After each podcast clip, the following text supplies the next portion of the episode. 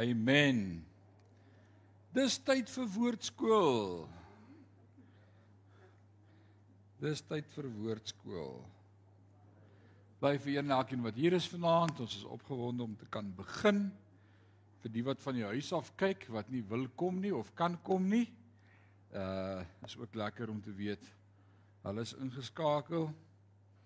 Maar ek bid dat almal sal terugkom kerk toe. Dis maar die beste plek om te wees. Hmm. Dis nie so lekker om die hele tyd Kentucky advertensies te kyk nie. Jy moet maar by Kentucky self uitkom. Heel anders. Dit's goed vir jou konstitusie. En net en net soos kerk ook. Jy moet maar self weer uitkom. Dis heel anders.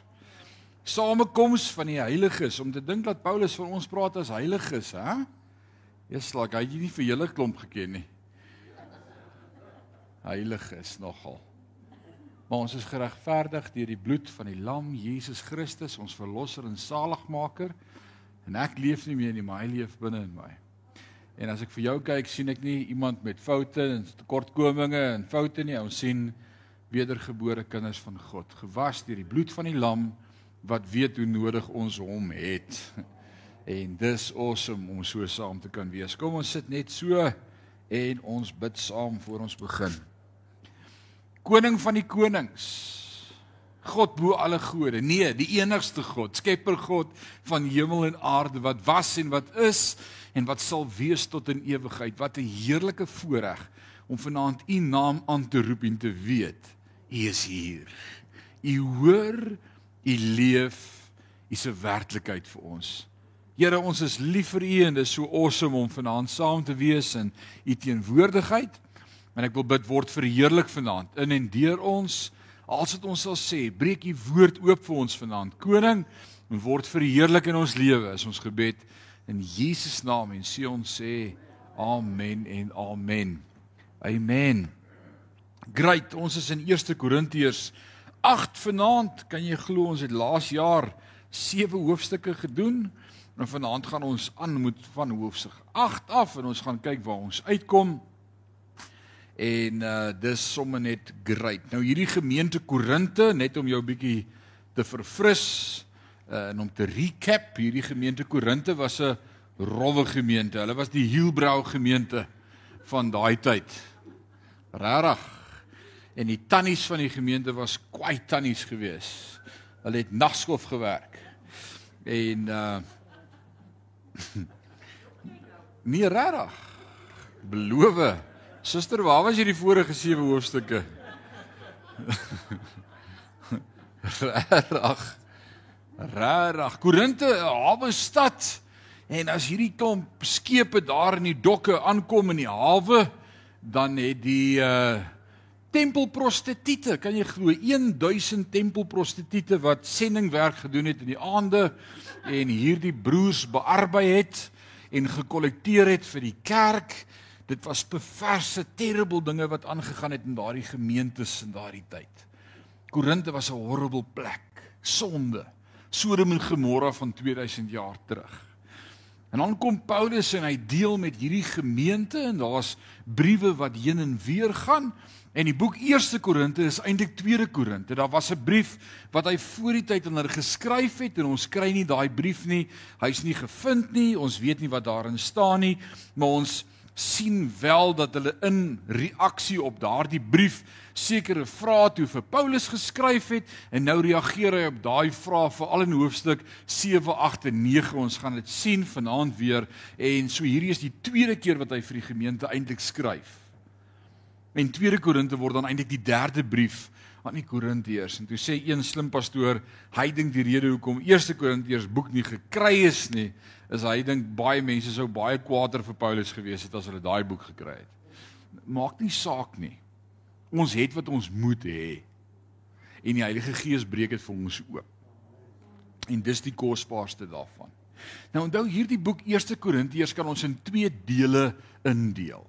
Ons kan hoofstuk 1 tot hoofstuk 6 vat. En dis eintlik se Paulus se skrywe aan hulle voordat hy is amper sy intro tot hierdie boek. Voordat hy nou hulle bevra begin antwoord skryf hy eers aangaande 'n paar goed wat hy van hulle gehoor het so in die grapevine. Hy het nou 'n paar dinge gehoor van wat daar aangaan en hy val sommer met die deur in die huis en sê terwyl ek nou vir hulle skryf gaan ek sommer oor die goed ook praat. Ek moet nou hierdie vrae antwoord maar kom ons praat sommer oor die dinge. En dit het ons oor gesels in hoofstuk 1 tot 6 En dan was daar 'n paar vrae wat hulle vir hom gevra het, en besonder drie vrae. Hulle het vir hom uitgevra oor die huwelik. Dit was vir hulle lyk like dit vir my 'n groot probleem gewees. Hierdie huwelik ding. Huwelik dit en huwelik daai. Ja, hulle wou weet hoe moet dit nou werk? Jy met die getroude ouens getroud bly kan ons maar ons vrouens los. Wat van as 'n man nou tot bekering gekom het en die vrou dien nie die Here nie? En wat van die enkel lopenes? Is dit dan nou beter om nie te trou nie? Wat moet gebeur? En dan het hy nou lekker in hoofstuk 7 waar ons laas baie aandag gegee het baie kontroversieel gepraat oor huwelik. Riglyne, idees. En baie keer van die goed het hy voorgesê, hierdie het God nie vir my gegee nie, maar dis net soos common sense. Gebruik net jou brein. Alraai. Dis beter om ongetroud te bly as om te trou. Maar as jy nou regtig brand van begeerte trou dan nou maar. Alraai. En dis is in soveel woorde wat hy gesê het. En dan kom hy in hoofstuk 8 en hy begin die tweede vraag te antwoord wat vir hom gevra is. En die tweede vraag het gehandel oor afgode vleis. Vleis wat geoffer is aan die afgode en ons gaan vanaand daarmee deel. En dan die derde vraag wat hy gaan antwoord wat ons later gaan kry is oor die bediening. Die bediening. En hy as bedienaar en en en hoe dit werk en is hy nou regtig 'n apostel of is hy nie 'n apostel nie en uh, wie het hom sy waarde gegee as apostel? Hy was nie een van die disippels nie en die ander on, ons gaan bietjie lekker daarna kyk. So dis die drie vrae wat hulle vir hom geskryf het en dan begin hy nou van hoofstuk 7 af tot en met hoofstuk 16 en hy antwoord dan nou hierdie vrae wat hulle aan hom gevra het gedetailleerd. Ons gaan nou detail vra sien hoe hy dit antwoord Nou in hoofstuk 7 het ons gesels oor huwelik en dan praat ons nou oor die vleis. Nou as ons vanaand nou begin praat oor hierdie vleis wat mag dit nou geëet word of mag dit nie geëet word nie. Uh, in Korinte was daar 'n uh, slaghuis gewees, amper soos OBC hier oor kan die taxi rank nou so baie nice slaghuis, maar die slaghuis was reg langs die afgodstempels gewees. En hulle het dit op 'n discount, het hulle daai vleis verkoop daar. So dit was cheap cheap om daar lekker braai vleis te koop. Maar daar was nou 'n paar vrae oor waar hierdie vleis vandaan kom. En aan wie hierdie vleis nou geoffer is. Nou as iemand in die stad Korinthe sou gaan offer of offer bring aan die afgode en daar was duisende afgode gewees. Duisende afgode. En as jy nou aan jou afgode gaan gaan gaan gaan offer het wat jy moes doen, dan uh, het 'n derde van daardie offer op die altaar is gekremeit, hy's verbrand, hy's regtig geoffer. Weggebrand, houtskool. 'n Ander derde het hulle vir jou afgesny en teruggegee. Hulle het jou 'n doggy bag braaivleis gegee huis toe. Omdat jy kom offer het, kan jy nou darm van jou vleis bietjie terugkry en by die huis gaan eet. Serieus, dis die gebruik, dis hoe dit gewerk het. Jy dis waar die doggy bags vandaan kom. Maar daai dis 'n afgode gebruik. Julle doen dit vandag nog, almal van julle is afgodsdienaars. en dan die derde derde van die vleis het gegaan aan die priester en aan die wat diens doen in die tempel. Nou dit was ook die gebruik gewees in die Jodendom. As ons gaan kyk daar in die Ou Testament van Genesis 20 af, as ons praat oor die tabernakel, dan kon die priester of die profeet wat die offer doen, wat namens die volk dan nou hierdie dieroffer wat jy gebring het, hy kon die beste stuk van die vleis vir hom afsny van die braaivleis. Priesters was die eerste ouens wat braaivleis geëet het in die Bybel. Nou. Die Here like braaivleis kwai. Dit was sy manier om offers te bring. Die Here hou van braaivleis, actually. En en en dan het hy hulle tot beveel hulle moet die hele afvalgedeelte eet. Daar mag niks verlore gaan nie. So as jy 'n ware Christen wil wees, moet jy kan afval eet. En die wat dit eet sê amen. Alraight, great. Dis Bybels actually. Ou Testament. Dis maar dis Bybels. Alraai. So dit was die gebruik gewees. Is 'n derde van hierdie vleis is geoffer. 'n Derde kon hulle regtig as 'n doggie bag terugkry en die ander derde was die priesters se. Maar as daar nou 'n klomp mense daai dag kom offer het en jy kry by elke ou 'n derde van sy dier en daar was nie yskaste en vrieskaste nie, ja, het jy dan jy 'n probleem. Jy het verskriklik baie vleis naderhand. En toe het hierdie klomp priesters vir mekaar gesê, "Maar ons kan nie al hierdie vleis waste nie. Dis 'n sonde." Uh kom ons maak 'n slaghuis oop hier langs aan. Nou ons noem dit iets en ons vergeep ons verkoop die vleis cheap cheap aan die volk.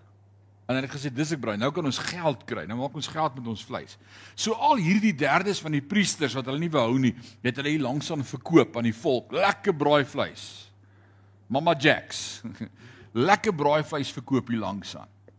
En nou is hier ouens in die gemeente wat sê maar, "Eers, daai is die lekkerste vleis, hè. Dit is so cheap en ons koop dit sommer daar nie." Ander sê, "Ooh, ons is te heilig. Ons kan nie sulke onheilige vleis eet nie. Dis geoffer aan die afgode." En nou is daar 'n struweling in die gemeente oor, "Maar mag ons nou die vleis eet of mag ons nou nie?" Nou dis die eerste vraag wat hulle nou vir hom skryf en dis die eerste vraag wat hy nou hier gaan antwoord. Want party van die gemeente het gesê, "Awesome, dis gratis vleis en is goedkoop en die ander het weer gesê nou wys oor my dooie liggaam dis verkeerd ons gaan hel toe want is opgedra aan afgodsoffers. Alraai. So, kom ons begin vanaand by vers 1. Nou het jy die agtergrond mooi geskets en nou weet jy wat jy lees. Dit is altyd belangrik om te weet wat staan daar en wat is die agtergrond. Nou sê hy. Kom ons praat nou Nou is hy klaar oor die huwelik. Hy het nou net klaar gemaak oor die huwelik. Nou sê hy, kom ons praat nou oor vleis wat aan afgode geoffer is. Dis nou punt 2, die tweede vraag wat hy gaan antwoord. 'n Saak waaroor jy ook navraag gedoen het. Ons weet julle sê en dan quote hy hulle nou uit hulle brief uit wat hulle vir hom geskryf het. Nou daar kom aanhalingstekens so hy quote dit nou hy sê julle het gesê Ons het almal kennis oor hoe ons moet optree. So in hierdie brief wat hulle vir hom geskryf het, het hulle vir hom gesê, uh ons het mos almal kennis, ons weet wat ons moet doen. Maar hier's nou 'n paar in die gemeente wat nou aanhou kerm en nou vra ons nou maar die vraag, wat sê jy? Maar eintlik weet ons alles. Ons is mos nou geestelik. En as jy geestelik is, dan weet jy mos alles. Party in die gemeente sê ja, eet dit, ander sê nee, ons mag dit nie eet nie. Nou vra hulle vir hom, maar wat sê jy? Nou antwoord hy. Hy sê kennis laat 'n mens belangrik voel, né? Dis lekker as jy baie weet. Wie van julle weet baie? Ja, almal wys na hulle vrouens. Alraai. Kennis laat 'n mens belangrik voel Maar staan hier in hakkies amper. Hy hy gaan nou hy gooi nou maar hier in. Hy sê dit het 'n teenkant. Hy sê die liefde daarin teen bou 'n gemeente op. Julle kan roem in julle kennis en sê hoe ons weet wat om te doen en ons weet wat is reg en ons weet hoe om onsself te gedra en ons weet wat ons mag eet en nie mag eet nie. Hy sê ek is baie bly vir julle. Julle is so verskriklik slim. Maar die liefde Dis die ding wat 'n gemeente opbou. Die liefde. Dit gaan nie oor wat jy weet nie, dit gaan oor wie jy is. Dit gaan nie oor wat jy weet nie. Jy kan vir jou baie slim hou. En ja, jy kan dalk reg wees ook nog in jou verstaan oor vleis of nie vleis nie, maar dis nie regtig die saak nie of dit opgeoffer is aan afgode of whatever sou what. Daar's iets wat belangriker is as hierdie vraag wat jy wil antwoord. Die liefde. Jo. Eindig hy nie net 'n paar hoofstukke hierna. Ons weet nou in hindsight want ons het mos nou al die Bybel 10 keer deurgelees in ons lewe en dan weet ons ons nou aan die einde van 1 Korintiërs 13 kom en dan sê hy en die grootste hiervan is die liefde. Daar's iets wat belangriker is as om reg te wees in baie huwelike in baie fights in baie gesprekke tussen mense, man en vrou, ouer en kinders, gaan die fight oor wie's reg. En ek het jou mos gesê, sien ek was reg. En jy wil reg wees. Maar die hart van om reg te wees was nie liefde nie. En as die hart nie liefde is nie. My pa het altyd as hy troues doen, uh, onthou my agtergrond nou konteks van my lewe toe ek jong laaitie was, toe moes ek vir elke troue en begrafnisse wat my pa doen vir hom die orgel speel. R50. Dis al hoe hy my by die kerk gekry het, nê. Sê ek het 'n troue Saterdag, ek moet die troue maar speel, dan sê ek R50. Toe vind ek uit hy kry R500. Dis sê sit ek my prys op. Sê ek nee, R100. Toe sê hy nee, dan gaan ek jou ma vra. Maar vir elke troue, dan moet ek nou trouma speel, maar ek kan nie loop as ek klaar gespeel het nie. Ek moet nou na die hele preek luister, so hy betaal my eintlik om na die preek te luister. Hy het my omgekoop. Maar al daai preke het ek elke keer ietsie gehoor wat deel geword het van my lewe wat karakter gebou het en wat in my fondament gaan lê het. En een van die goed wat hy baie keer gesê het, hy sê my broer, jong man, hoor wat oom vir jou sê. Jy kan die fight wen en reg wees, maar jy gaan die oorlog verloor. Dink ek wat wat se oorlog is hierdie in die huwelik? Oorlog. Vandag verstaan ek, jy kan elke fight wen en reg wees vir elke fight wat gefight word. Maar jy is besig om te verloor. Verloor liefde, jy verloor respek, jy verloor verhoudings, jy verloor wat saak maak of jy kan die minste wees van die begin af want die liefde is die belangrikste. Ek hoef nie reg te wees nie. Ek weet ek is reg. ek hoef nie reg te wees nie. Ek het nie so swak selfbeeld dat almal in my huis heeltyd met my, "O, oh, pa, ekskuus, jy was al weer reg nie." Ek weet ek's reg. Maak laat hulle dink hulle is reg. Ek laat hulle dink ek het nie 'n idee wat in die lewe aangaan nie. My oudste seun is 18, hy weet nou alles. Julle weet mos hoe werk dit. Dis fenomenaal hoe vinnig jy tussen 16 en 18 al die inligting wat daar is, is in jou kop. Dis net daar. Pa, wat wil jy weet? Soos hoe dink jy ek hier gekom het? En dan sê hulle darm as jy hier op 22 is, dan besef jy hoe skielik jou pa in daai kort tydjie so baie geleer het. Want dan begin jy hom jy vra, "Dad, hoe doen mense dit?" Dan besef jy jy weet nie alles nie. So ek bid vir daai dag Maar op hierdie stadium is hy nou die een in die huis wat alles weet. Uh dis dis hoe dit werk. En, en dis fyn. En ek laat hom dink hy weet alles. As hy iets sê dan sê ek, "Jesus, my seun, jy's slim. Dis dis amazing." Ek het hom liewer as wat ek vir hom wil laat verstaan. Wat weet jy? Kom ek sê vir jou werk dit. En en dis wat Paulus hier aanspreek. Hy sê daar's iets wat belangriker is as as om al die kennis te hê in die wêreld en kom ek sê dit met julle. Die eintlike vraag wat jy moes vra is liefde. Alraai. Dis amazing. Is dit nie vanmôre se gesprek copy and paste net met ander tekste nie? Ronel, uh ja, yes, ons het vanmôre awesome tyd gehad in in tweede Jakobus. Hier kom ons leer nie vanaand en, en dis eintlik wat hierdie teks net weer vir ons sê. Die liefde. Nou sê hy in vers 2, as jy dink jy weet alles, het jy nog nie die ware kennis nie. En ek dink hierdie is 'n teks wat elke universiteit op sy graad onder moet print as jy dit vir daai kind gee of as jy jou BTH kry of 'n diploma kry moet hier onder op jou graad staan 1 Korintiërs 8 vers 2. As jy dink jy weet alles, het jy nog nie die ware kennis nie. Kobus, hoe baie keer in jou lewe het jy al gedink jy weet alles?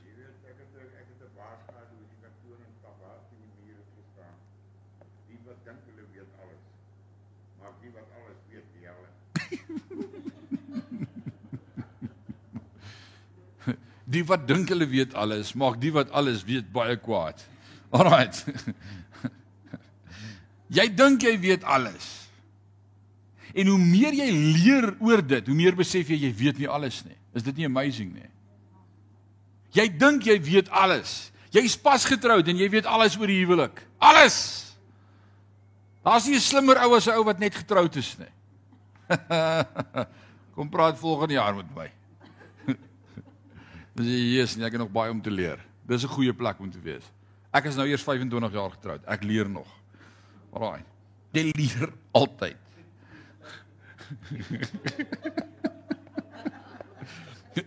Louis sê vir my slegste nuus, ek gaan nooit alles weet nie. Alraai.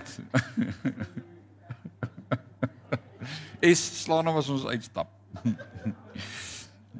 Hoe meer jy dink jy weet iets, hoe minder weet jy daarvan. Dis net die waarheid, dis hoe dit is. uh snaaks as ek as jy jou graad kry op universiteit en jy jy het nou actually klaar geleer dan dink jy jy weet oor daai veld alles. Ek het my honeurs gedoen in berading, pastorale berading, trauma berading, spesifiek met depressie. En die eerste dame wat voor my kom sê met depressie en begin huil, toe besef ek ek het nie 'n klou wat hier aangaan nie. 12 jaar later, toe klop depressie aan my deur.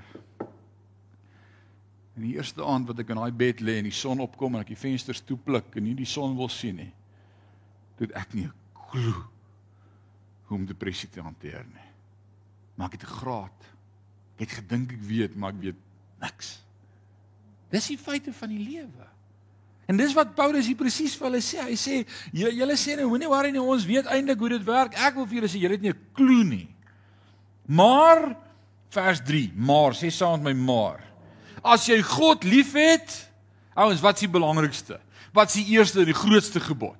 Jy moet die Here jou God lief hê met jou hele hart, al jou krag, siel en verstand.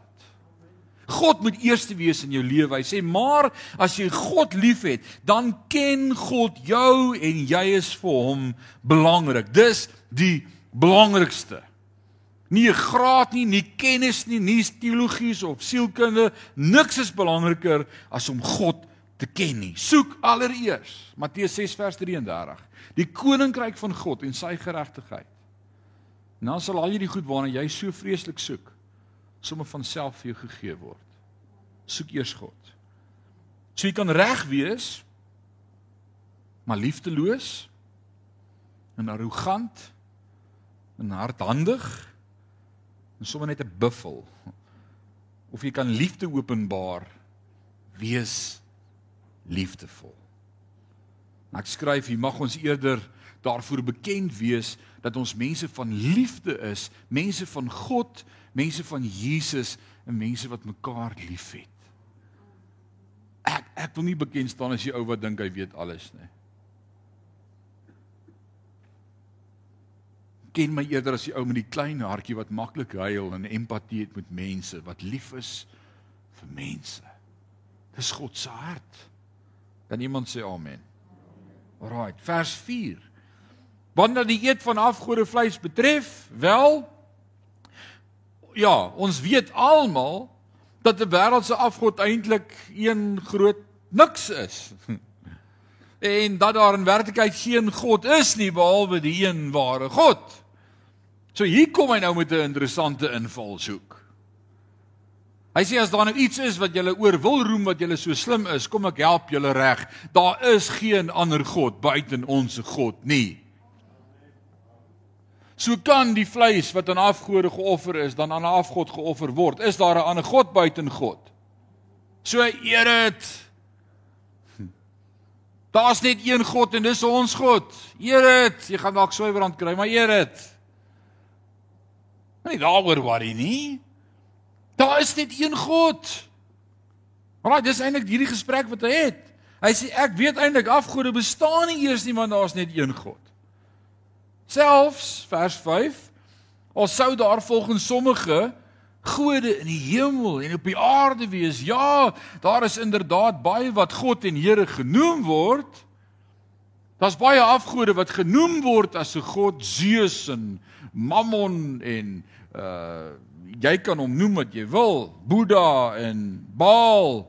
Maar jy daar's baie wat God en Here genoem word, maar vir ons is daar net een God naamlik ons God uit wie alles afkomstig is en ons lewe is op hom gerig.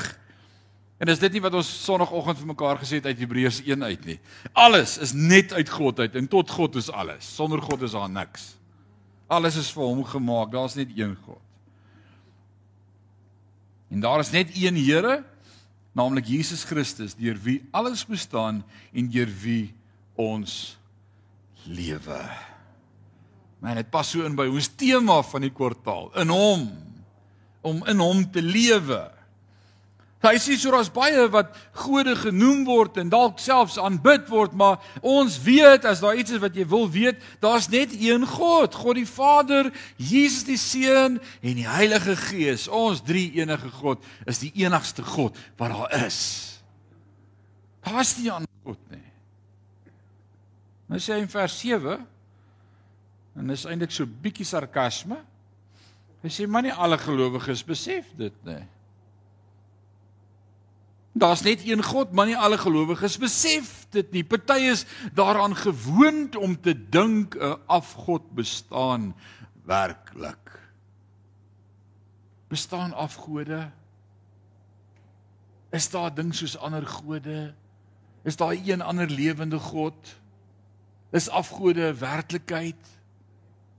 Hy sê hulle bestaan nie. As hulle dan kos eet wat aan die afgode geoffer is, dink hulle dat hulle betrokke is by die vereer, by die verering van werklike bestaande wesens en hulle sensitiewe gewetens word met skuldgevoelens belas. Hulle voel skuldig as hulle hierdie vleis eet wat vir die afgode gebring is, maar my mag dis die afgod bestaan nie eers nie, word wakker. Waarom voel jy sleg? Hy sê jy's daar nie. Jy lê wakker. Sjoe, Ek onthou so 17 jaar gelede toe ek in Sion gekom het. Kan jy glo ek word nou oud. Dis hierdie grys hare wat jy sien. Ek is al 17 jaar in hierdie gemeente. Elke Sondag hier. en ek onthou toe ek 17 jaar toe ons net hier aangekom het, toe was ek nog jonk en mooi. Nou is ek nog net mooi. Uh Toe was een van die goed wat op daardie stadium die ronde gedoen het in die kerk En ons is toe net deur so 'n storie gewees in Bloemfontein en toe ek Rustenburg toe en ons was net deur dit gewees in Rustenburg en toe kom ons terug Parys toe en wragtig hier's die duiwel ook. Maak skoon jou huis van die luis. Gealden huis, maar En almal versprei die DVD, nê. Nee, maak skoon jou huis, brandboeke, skilderye, portrette, CD's, plate, hemde, branded clothing. Dis opgedra aan afgode. Brand dit, my broer. Dan gaan jou huwelik sommer beter wees. Almal brand, hulle maak vuur. Dit lyk of Parys aan die brand is. Almal brand alles ornamente word stukkend gegooi, goed van die ooste van die ooste af word in die weste begrawe. Alles dis Weet jy waarvan ek praat? Ja. Uit vrees uit dat 'n afgod wat nie eers bestaan nie dalk 'n oop voet in my huis kan kry. Hulle was so besig gewees met afgode wat nie eers bestaan nie, plaas van om tyd te spandeer met God in heiligmaking. En ons moes seker vir 'n jaar lank moes ons lering gee en bestraf en weer lê en regwys en reg leer. Jos en ons het 'n paar ons het 'n paar gekry wat vir ons mooi vertel het. Julle glo nonsens, julle julle slaap vir die goeters. Kyk wat sê Paulus. Daar is nie 'n ding soos 'n afgod nie. Groter is hy wat in my is as hy wat in die wêreld is. Eer daai vleis. Beheer reg vir my sê as ek 'n ding in my huis het met 'n stamp op uit die ooste uit, gaan God nie meer God van my lewe wees nie. Gaan hy nie meer met my lewe kan werk nie. Gaan my huis uitmekaar val. Die Here weet hy's eerste in my lewe. Ek aanbid nie daai plaat met daai stamp nie. Right.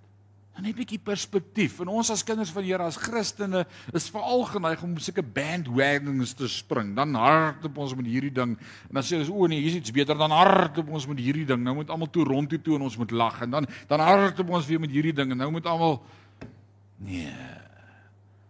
Wees net konsekwent en wees lief vir die Here en bly groei in die genade en En daar's iets belangriker as om alles te weet. Wees wees maar net lief vir die mense om jou. Dis dis die belangrikste. En baie van daai ouens wie se huise silwer skoon is en daar's nie 'n duiwel in die huis nie. Die duiwel is in sy hart. En as ek met sy vrou en sy kinders praat, dan sê hulle pastoor, jy ken nie die broer as hy by die huis is nie.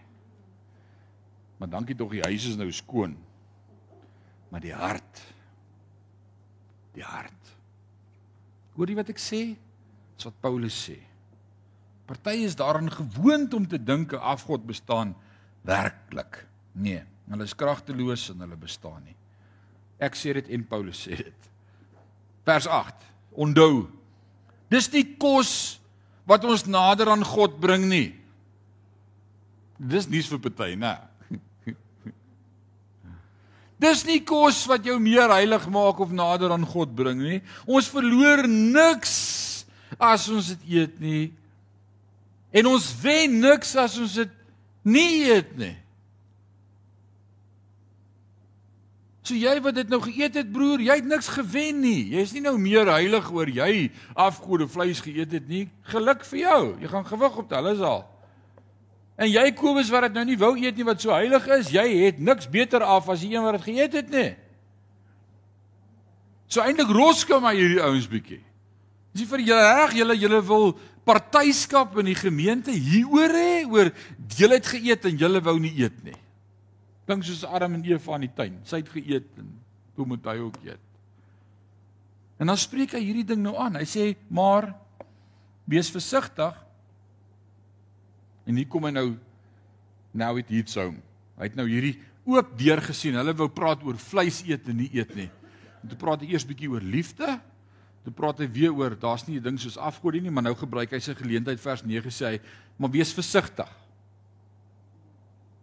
Wees versigtig dat jou vrymoedigheid om alles te eet. Broer, jy wat so heilig is en sê ag man, daar's nie 'n duiwel nie. Ek sien bang vir die duiwel nie. Kom ek wys jou eet ek hierdie vleis. Ek gaan niks oorkom nie. Ek gaan jou swybrand kry nie. Hy sê oppas dat jou vrymoedigheid om alles te eet nie jou medegelowige met 'n sensitiewe gewete in hulle geloof laat struikel nie.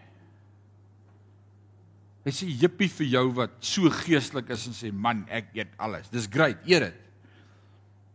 Maar as jy jou broer laat struikel, waar is jou liefde? Nou spreek hy hierdie ding aan. Ah, so dit gaan nie oor eet of nie eet nie. Dit gaan ook nie oor hoe sterk jy geestelik is nie. Want mense sou dink hoe sterker jy geestelik is, hoe minder van hierdie afgode vleis sou jy geëet het. Maar die teendeel is waar. Hoe sterker jy geestelik is, hoe meer besef jy daar's nie 'n ding soos afgode nie en jy gaan juist die vleis eet. So die sterk geestelike ou wat van die vleis gaan eet, gaan dalk iemand tot 'n val bring wat nog nie tot daardie geestelikheid gegroei het nie vir wie dit verkeerd is om van daai vleis te eet want hy is nog 'n babietjie. Hy dink nog daar's afgode en hy's nog bang vir hulle. En nou laat ek so ou struikel. Ah. Ons kan enige iets nou in die plek van vleis hier insit in hierdie gesprek en dan raak dit baie interessant. Jy kan dalk sê ek verstaan ek verstaan wyn en ek het nie 'n probleem met wyn nie. En ek gebruik 'n ou wyntjie en ek drink my wyntjie en ek het oorwinning. En Paulus het vir Timoteus gesê drink jou ou wyntjie dis nie goed dat jy net water drink nie. Drink dit vir die maag en dit laat my rustig raak. En ek drink net my een glasie wyn en dis dit. Ek weet waar om te stop. Maar daai ander een wat pas tot bekering gekom het vir wie wyn 'n groot ewel in sy lewe was wat gesê het ek wil nooit weer drink nie ek het my tot die Here bekeer. Kyk na jou en hy sien jou een glasie wyn en hy soos o so kan maar drink. En hy's maar net weer terug waar hy was in sonde. En dis is wat hy eintlik aanspreek. Die issue is eintlik net een ding liefde. Die liefde. Die liefde. Hy sê maar wees versigtig dat jou vrymoedigheid om alles te eet nie jou medegelowige met 'n sensitiewe gewete in hulle geloof laat struikel nie. So dit gaan nie oor eet of nie eet nie. Dit gaan oor ek moenie die swakkeres laat struikel nie.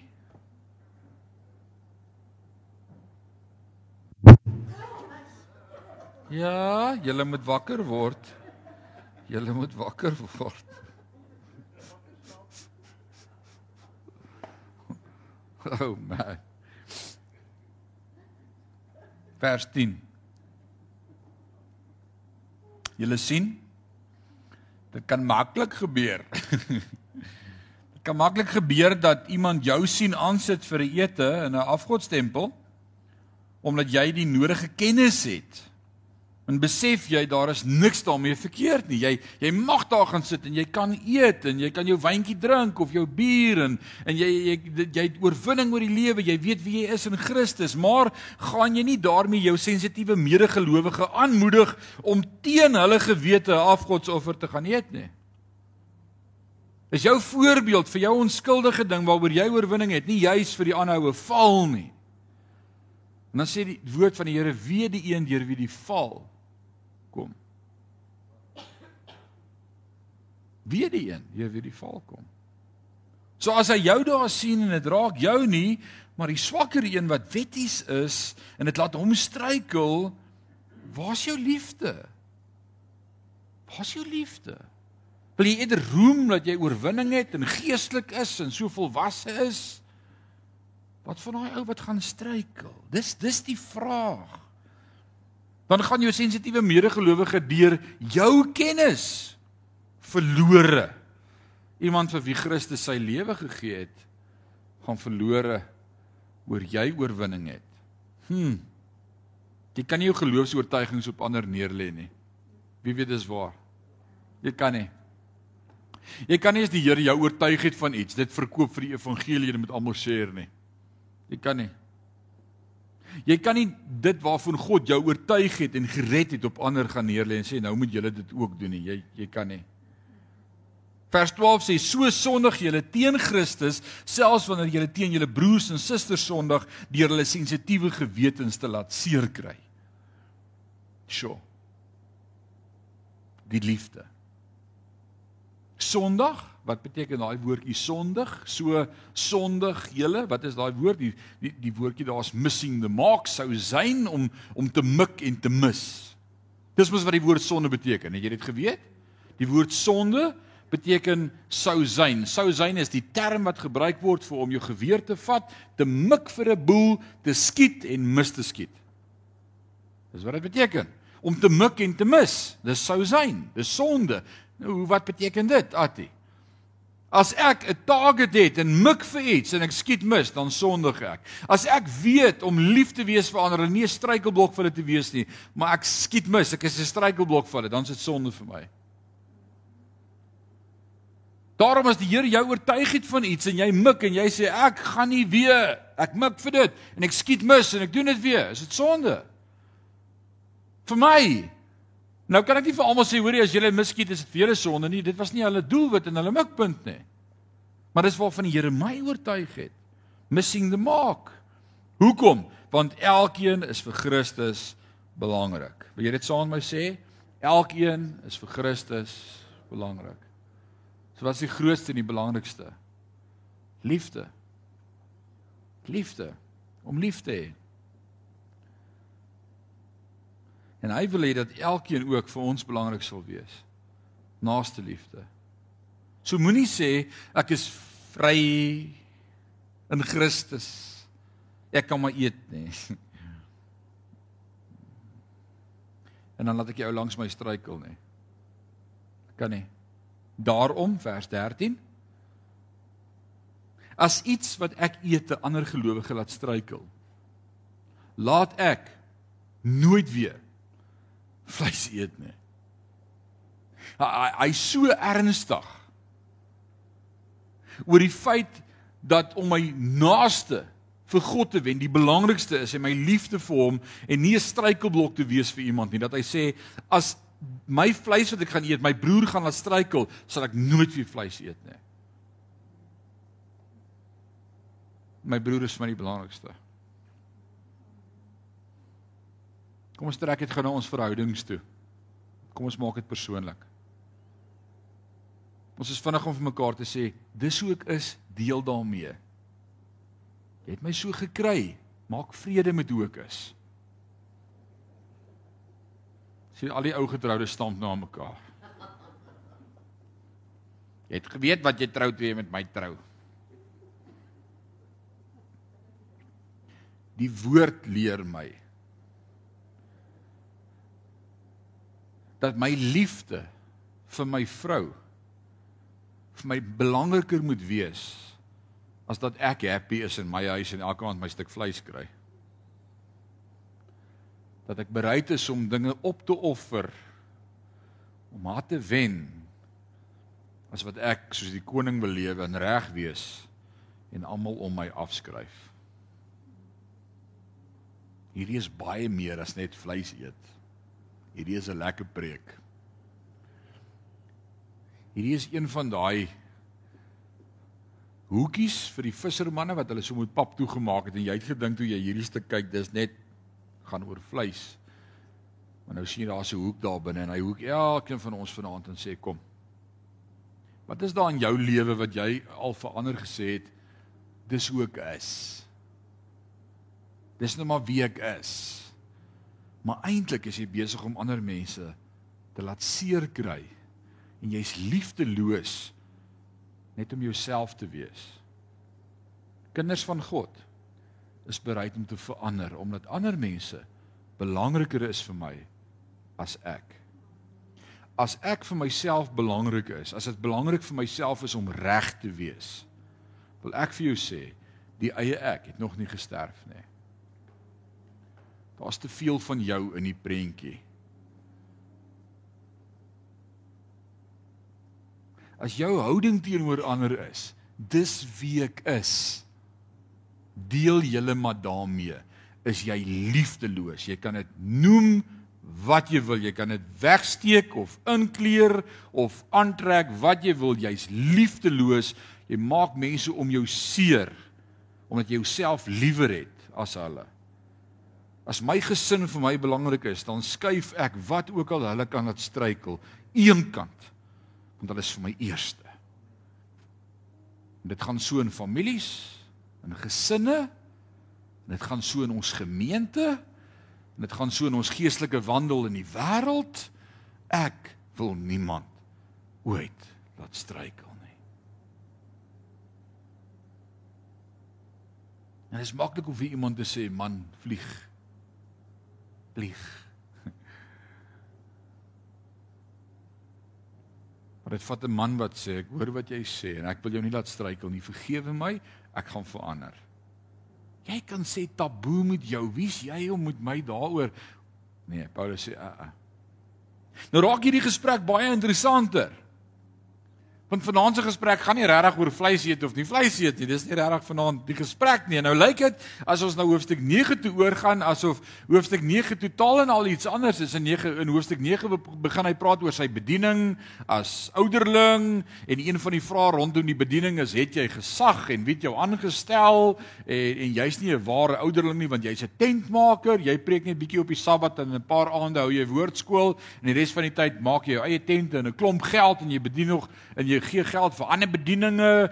Ware apostels word deur die kerk onderhou. Jy's nie 'n ware apostel nie.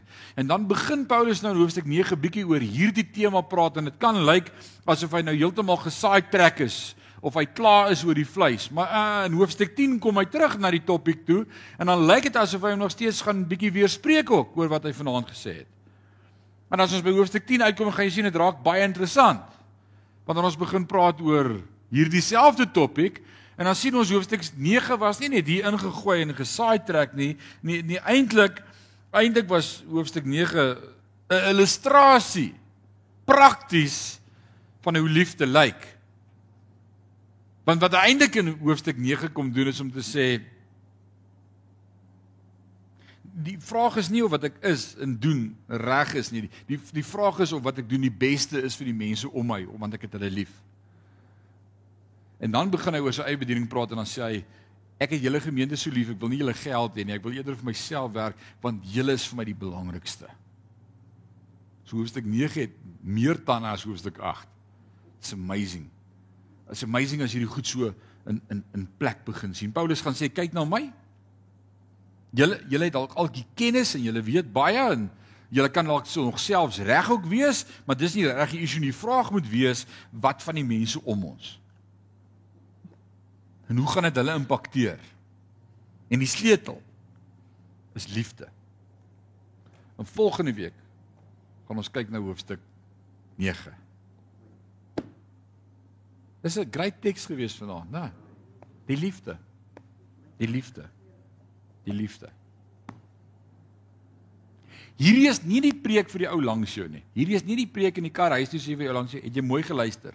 Nee, hierdie is die preek vir jou. Vir my. Nie vir die een wat by die huis was en nie gehoor het nie. Eer, jy mos vanaand by die kerk gewees, die pastoor het net vir jou gepreek. Nee, nee, ek het vir jou gepreek. Ek het vir my gepreek. En my vraag aan jou en aan my is, het jy mense liewer as jouself? Of is jy vir jouself die belangrikste? As jy sê Christus leef in my. Christus het sy lewe afgelê vir die ouens om jou. Jy kan nie sê jy's 'n volgeling van Christus, maar jy veg vir jouself en vir jou regte nie.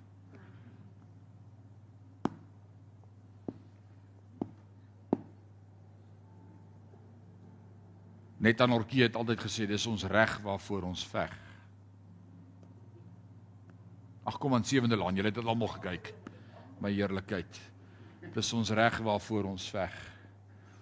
Ek het geen regte nie. Maar my gebed is dat my lewe sal oorloop van God se liefde vir elkeen om my. Dat ek elkeen sal hoor ag as wat ek myself ag. Dat elke mens wat my pad langs kom vir my belangriker sal wees as wat ek vir myself is. En wat ek wil hê en waarvan ek hou, maak nie saak nie. Want ek is lief vir mense. En wat jy nodig het, is belangriker as wat ek nodig het. Want hy sal voorsien aan my behoeftes, moenie jy worry nie. Hy sal vir my sorg. Wat kan ek vir jou doen? Kom ons bid saam. Here God, U woord is moeilik.